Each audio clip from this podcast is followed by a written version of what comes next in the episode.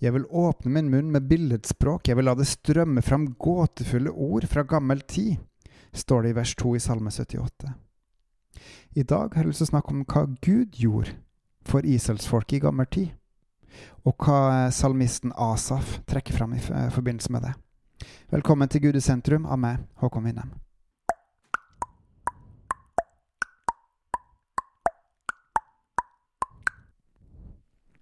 Forrige gang så avslutta vi i vers 10 i Salme 78. De holdt ikke Guds pakt og ville ikke vandre i Hans lov, det er israelsfolket. Videre, de glemte hans store gjerninger og de under som han hadde latt dem se. Her er det snakk om israelsfolket. De glemte Guds store gjerninger, de glemte de under som Gud hadde gjort. Og hva hadde Gud gjort? Jo, bare ta israelsfolket som ble eh, befridd ut av Egypt fra slaveriet. De ble ledet gjennom et gigantisk vann, gjennom at Moses strakte hånda si ut over et hav eh, ei natt. De fikk manna som fra dugget på bakken, de fikk kjøtt fra himmelen. Gud beskytta de i ulike tider, han straffa deres opprør, og allikevel så befridde han deres fra de opprørene også gjennom slangen på stanga, f.eks. Gud sørga for at en annen profet som ikke var hans, velsigna de istedenfor å gjøre det han fikk beskjed om av kongen sin om å få barnet. Gud gjorde så mange forskjellige under. Han gjorde folk sjuke og friske. Gud åpenbarte seg på et fjell og ga de de ti bud pluss de 600 andre tre budene. Og Gud gikk foran dem som en ildsøyle om natta og en skystøtte om dagen, og fortalte dem når du skulle reise videre, og når du skulle sette seg ned. Gud var nær med sitt nærvær i tabernaklet. Og folk så det, og folk merka det. Og likevel så glemte de Gud. Alle de store gjerningene, de store undrene som han gjorde. Det står videre fra vers 12. For fedrenes øyne hadde han gjort under i landet Egypt, på Soans mark. Han kløvde havet og lot dem gå gjennom det. Han lot vannet stå som en vold. Han ledet dem ved skyen om dagen og hele natta ved lysende ild. Han kløvde klippa i ørkenen og ga dem å drikke som av store vanndyp. Han lot bekka springe fram av klippen og vann flyte ned som strømmer. Alt det her gjorde Gud for dem, for et spesielt folk, for en spesiell generasjon. Og det var ikke godt nok. De gjorde opprør likevel. Men de fortsatte å synde mot han og var stadig gjenstridige mot den høyeste i ørkenen. Kjenner vi igjen det her i dag? Gjør vi opprør mot Gud? Har Gud virkelig sagt f.eks. at det bare finnes to kjønn? Har Gud virkelig sagt De frista Gud i sitt hjerte, og de krevde slik mat som de hadde lyst på. Det Gud lovte, og det Gud ga, var ikke godt nok. De ville ha det på sin måte. Og de talte mot Gud og sa, Kan vel Gud dekke bord i ørkenen? Se, han har slått klippen så vann veller fram og bekka strømmer over. Men kan han også gi brød? Kan han skaffe kjøtt til sitt folk? Gud har i gammel tid, og nyere tid som vil si fra Jesus av, gitt oss mange løfter, gitt oss mange gaver. Han har gjort store gjerninger, han har gjort under. Han har gitt oss så mange tegn. Og han viser oss på ny og på ny at jeg er deres Gud. Jeg tar meg av alle mine.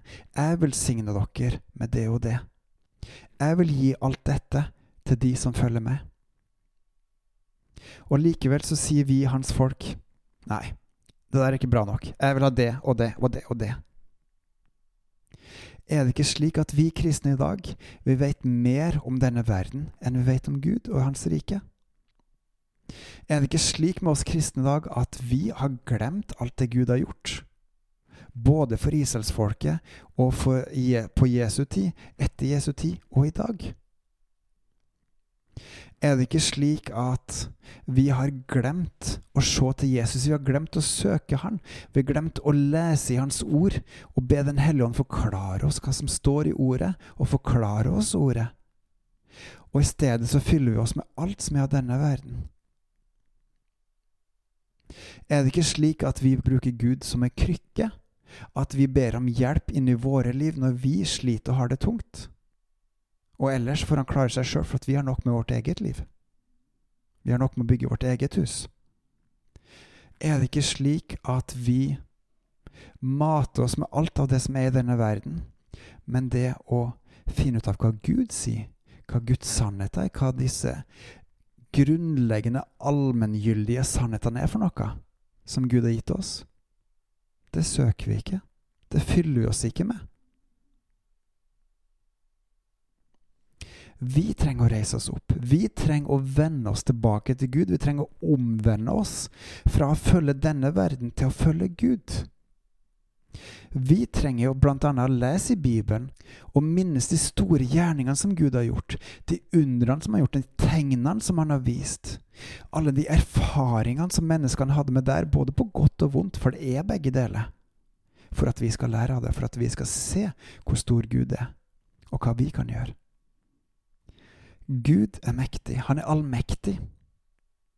Hans sannheter står fast uansett hva vi sier. Har Gud virkelig sagt? Tels ikke. Fordi sannheten står fast. Og vi trenger å grave fram sannhetene igjen. Vi trenger å grave fram Guds skatter, Guds løfter, Guds kjærlighet. Fordi at det er der uansett. Men vi må legge inn en innsats. Vi må gå til Gud, for Gud er sentrum. Vi må la oss fylle av Han. Vi må oppsøke Han. Vi må gjøre det hver for oss og sammen. For det er der skatten er. Det er der livet er. Det er det evige livet er. Det er der den eneste evige styrken, kraften og gleden og freden og friheten finnes. Alt her i verden er tomhet, foruten å kjenne Gud og følge Han. Alt i denne verden skal få gå, men vi som kjenner Han, vi har det evige liv. For det evige livet er å kjenne Han. Det evige livet er ikke noe som starter den dagen vi dør. Det evige livet er når vi blir kjent med Han. Dagens oppfordring er rett og slett la oss ikke være som Israelsfolket til tider, som rett og slett glemte de store gjerningene han hadde gjort, og de undrene han hadde gjort, som ikke holdt Guds pakt, og ikke ville vandre i hans lov. De i Gamletestamenteloven, vi i NT-loven. La oss derimot helhjertet søke Gud. Be til Han, be for Hans rike, be Han om å gripe inn og frelse oss og omvende oss, kalle oss til omvendelse. Be Han om å hjelpe oss å elske også når det er som verst, som vanskeligst. Han og hverandre, altså brødrene, trossøsken og andre. Og spesielt de som sliter, som har det vanskelig, som er utstøtt, og som ingen vil se til. Videre trenger vi å mate oss med Guds ord. Jesus, han som er gjennom hele Bibelen, og som er den store fortellinga, frelsesplanen til Gud. Og vi trenger å lytte til Den hellige ånd, bl.a. når vi leser Bibelen, og be han om å forklare oss ordet be han om å gi oss mer forståelse, mer tro, mer styrke, mer frimodighet og alt annet han har å gi. Og at vi sammenvokser, at vi er bevisste på at vi er hans folk, vi er en menighet, vi er familie, og vi tar oss av hverandre og bygger hverandre. Ja, her i verden også, men først og fremst aller viktigst i Guds rike. Vi har et medansvar for hverandre, for vi er én kropp. Vi er ett legeme.